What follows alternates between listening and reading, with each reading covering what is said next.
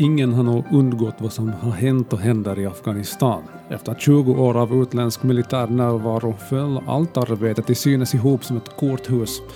Eller är det så? Finns det något som består och hur ser framtiden ut för landet med 38 miljoner invånare? Dagens avsnitt handlar om situationen i Afghanistan och med mig har jag Vasabladets ledarskribent Viveka Dahl. Mitt namn är Patrik Sjöholm och det här är Bakom rubrikerna.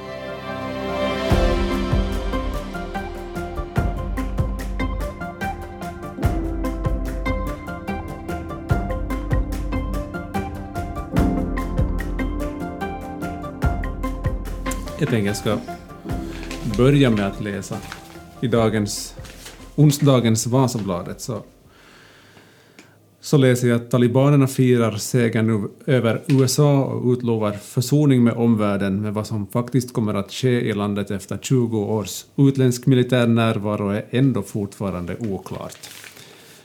Um, Viveka Dahl, ledarskribent här på Vasabladet, att det är oklart vad som kommer att hända i Afghanistan. Det är väl en hur ska man kunna beskriva situationen i Afghanistan just nu?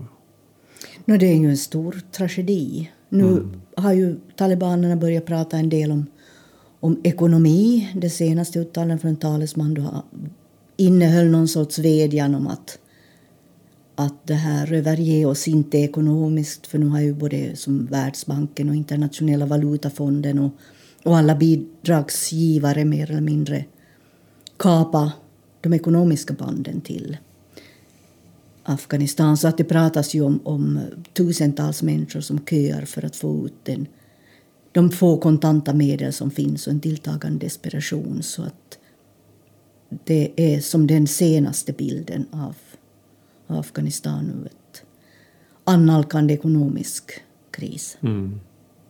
Bankerna fungerar tydligen inte. Och det är en annan bild från Afghanistan så är det som vi också såg igår, också här i tidningen, då en, det som är den sista amerikanska soldaten som lämnar afghansk mark under natten till tisdag, mm. lokal, lokal tid. Ja, och, och därmed så tog också då det som i amerikanska medier har kallats det det längsta kriget som USA har varit mm. delaktig i. På något sätt, jag vet inte riktigt hur jag ska formulera det, men det känns på något sätt som att man nu då har satt på vatten i kastrullen på spisen, vridit på högsta värmen och sen sprungit därifrån. Mm. ja, så kan, man, så kan man ju säga. Och det här är ju en...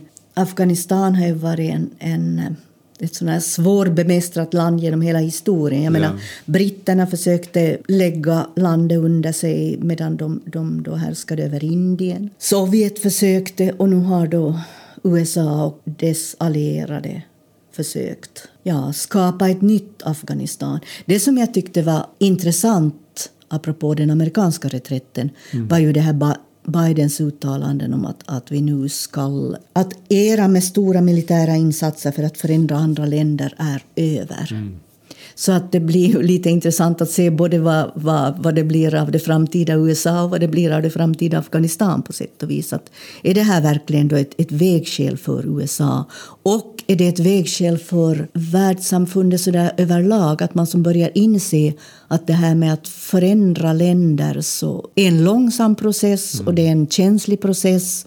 Och det är väldigt små utsikter att man ska lyckas med den med militära medel. Och att försöka ändra så, så djupa samhälleliga mm. strukturer mm. över en tid på 20 år, det är ju, alltså, det är ju en och så är, tid. Ja, och så med risk för att vara lite fördomsfull gentemot amerikaner, att, att både de mannar och kvinnor som skickas ut och USAs politiska ledare är ju ofta ganska okunniga om omvärlden de har väldigt dåligt med verktyg för att på, på allvar kunna både förstå och förändra mm. de länder de ger sig in för att demokratisera, som det brukar heta. Och det är ju, jag menar, demokratisering är bra, men att det, det, det är inte någonting som sker så där enkelt. Jag kommer i sammanhanget alltid att tänka på en, en liten scen från norra Irak när en, ett amerikanskt militärfordon brände förbi en taxi vi satt i. Och på den stod att den som kommer nära blir beskjuten.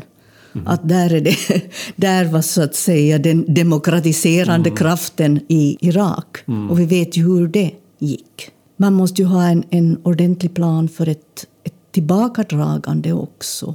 Både i Irak och Afghanistan så lämnar man så där det hela ganska brådstörtat. Som, mm. som du sa, satte mm. vred, vred på värmen under kastrullen och sen sa nu, nu, har vi, nu, nu sticker vi att det verkar bli lite hett här. Ja, så, sen, att, så att, sen får någon annan torka upp då det kokar över. Ja, ja. plus att om, om det nu här ska motiveras med, med kampen mot terrorismen som det hette efter, efter 9-11 så borde ju en, ett tillbakadragande ha då, kan man tycka, inletts i och med att bin Laden togs av Dhaka. Mm, det är många år sedan.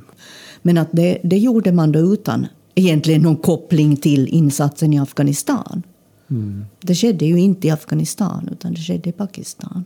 Om man på något sätt bortser från den här liksom fysiska militära närvaron, vad hade, hade ändå medfört någonting så positivt den här 20-åriga närvaron av utländska makter i mm. Afghanistan? Mm. Jo, det, det, har det ju gjort. Vi har en generation som har växt upp efter att talibanerna då försvann från, från Afghanistan. Uh, vi har höjd utbildningsnivå. Afghanistan har 42 procent av 9,7 miljoner skolbarn är flickor. Vi har uh, 32 procent kvinnor i den undre kammaren i Afghanistans parlament tror och hoppas att det här med utbildning inte kan rullas tillbaka. Att det är, du kan inte ogöra utbildning Nej. som människor har fått. Sen är det väl tyvärr så att utbildningseffekten är koncentrerad till större städer, samhällen. Det finns fortsättningsvis en, en stor andel analfabeter, inte minst äldre kvinnor. Och Det här läskunnighet är ju milt uttryckt nog en förutsättning för att ett samhälle ska kunna demokratiseras och gå, gå framåt och, att människor ska kunna delta i, i samhället. Det ser jag som en sån här positiv sak trots, trots allt. Mm.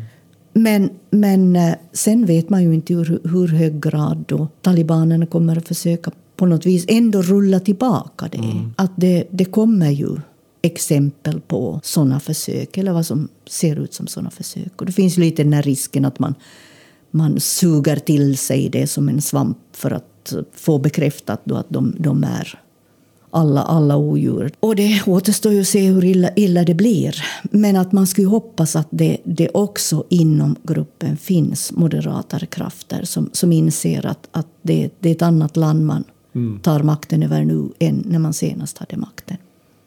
Men, men det är väldigt svårt att veta att en del av de uttalanden som kommer så är ju relativt försonliga och låter bra men samtidigt så kommer det ju annat också. Men på något vis så, det har ju förts en, en sån här ganska lång debatt nu om, om man på något vis ska hålla kanalerna öppna till talibanerna om man i så fall indirekt eller direkt stöder dem och så vidare bortåt. Men, men att isolera ett land fullständigt är nog, tror jag, aldrig bra. Att man man måste försöka hålla kanalerna öppna. Mm. För att, att kapar man alla band så kan man inte på något sätt, kan omvärlden inte på något sätt påverka överhuvudtaget.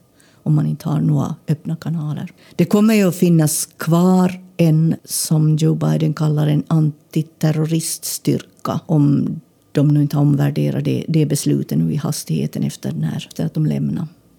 Men det sades åtminstone tidigare att, att mm. det ska finnas kvar.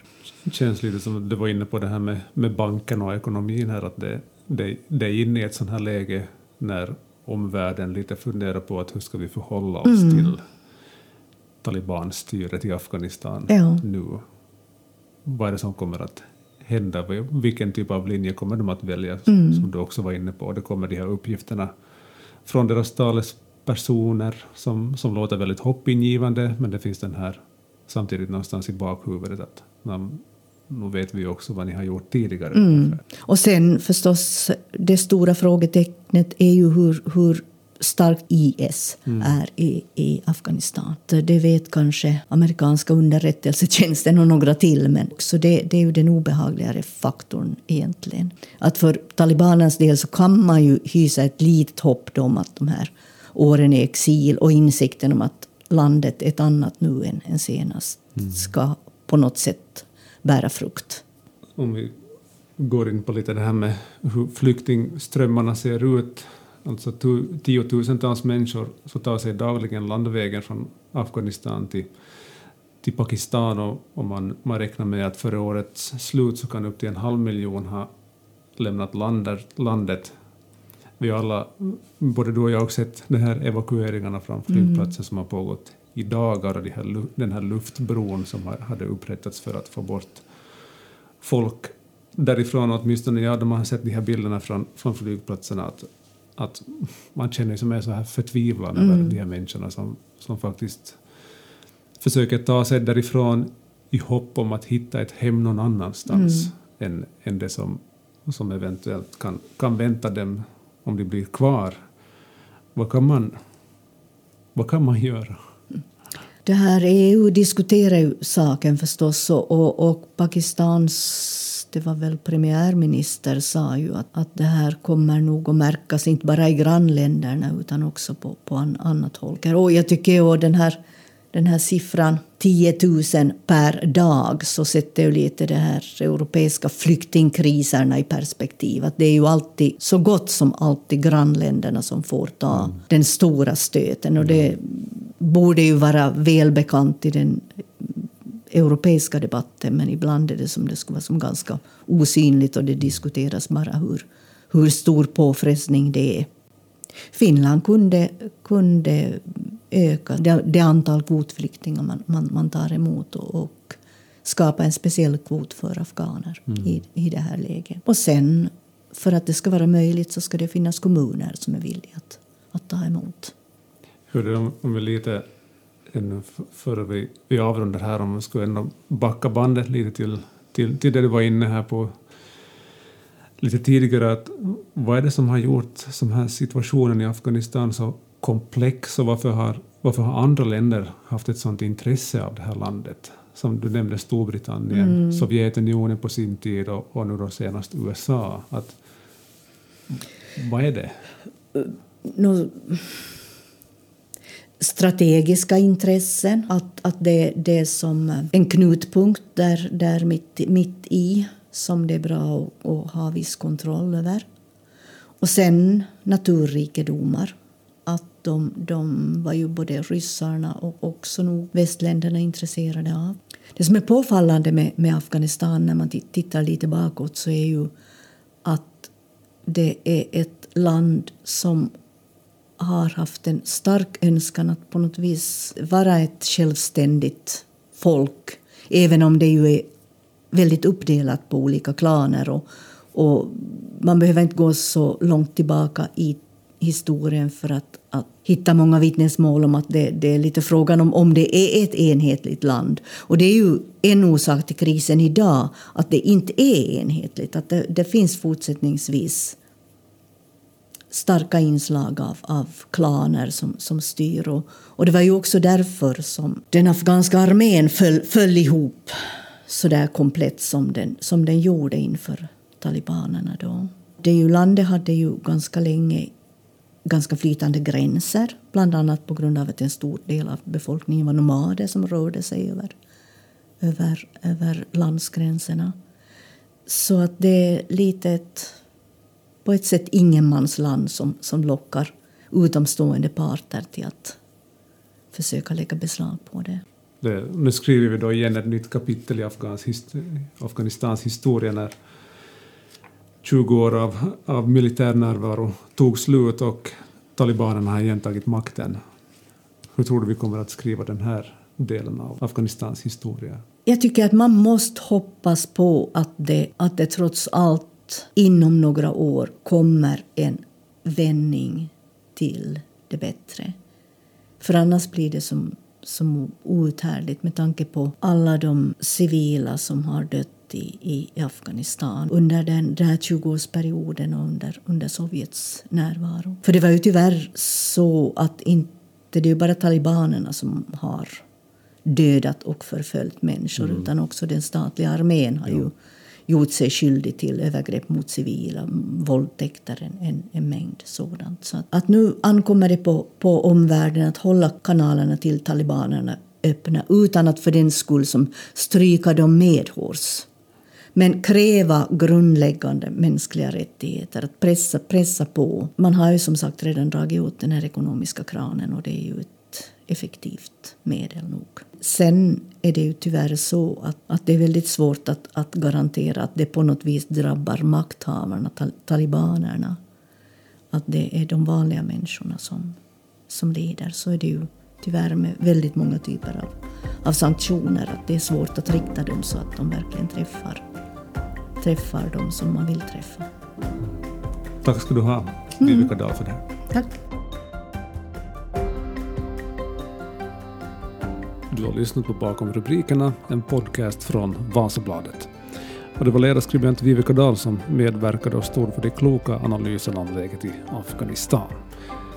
Senaste nytt hittar du förstås på nyhetssajten vasabladet.fi och kom ihåg att följ och prenumerera på podden på Spotify eller Apple Podcasts. Vi hörs snart igen. Adjö.